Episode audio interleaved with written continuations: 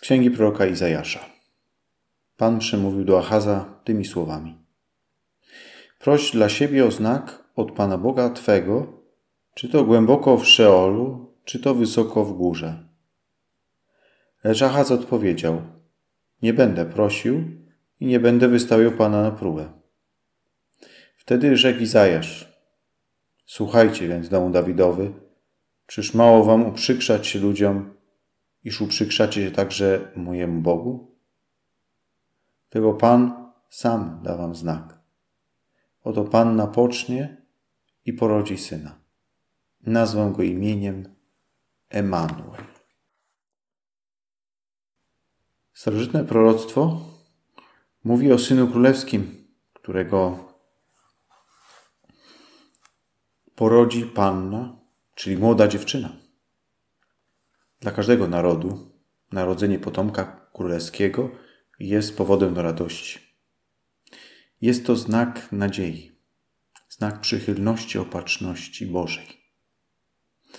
Prorok mówi o matce, synu, który ma się urodzić i wskazuje na imię Emmanuel.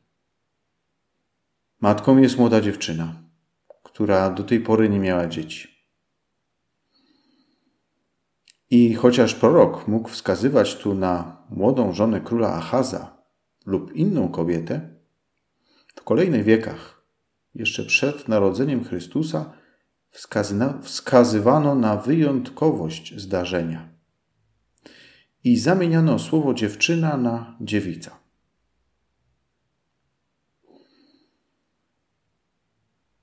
Po tej linii poszli ewangeliści, którzy użyli tekstu Izajasza w kontekście narodzin Mesjasza z Maryi Dziewicy. Dziecko zostaje nazwane imieniem Emanuel, to znaczy Bóg z nami. Jego narodziny są znakiem opieki Bożej, gdyż w ten sposób Bóg zapewni ciągłość państwa Izrael oraz, idąc dalej, pomyślność całego narodu. Imię Emanuel ma więc znaczenie prorockie.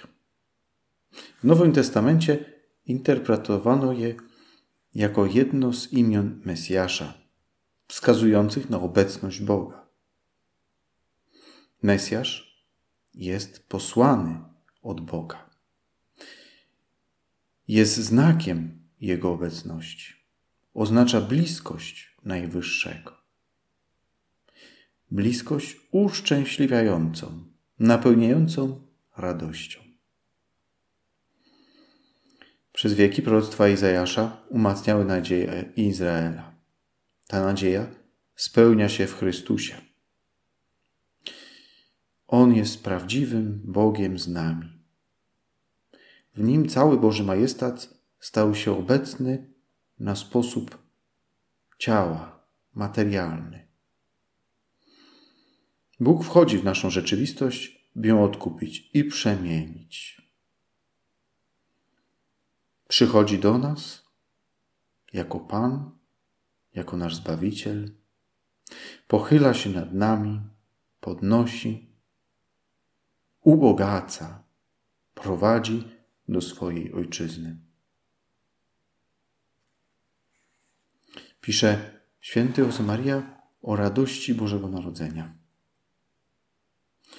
Boże Narodzenie, piszesz mi, wraz z Najświętszą Marią Panną Józefem, również ja niecierpliwie oczekuję dzieciątka. Jakże zadowolony stanę w Betlejem. Czuję, że pęknę z bezgranicznej radości. Tak i ja też pragnę narodzić się na nowo wraz z Nim. Oby Twoje pragnienie było szczere.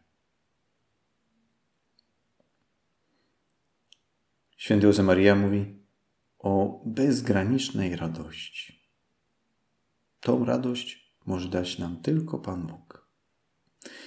Mówi o tej radości, która jest owocem przemienienia wynikającego z przyjęcia Bożego daru. W te święta, które już się zbliżają, popatrzmy na właśnie Boga z nami na Emanuela i odkryjmy w nim źródło naszej najgłębszej radości.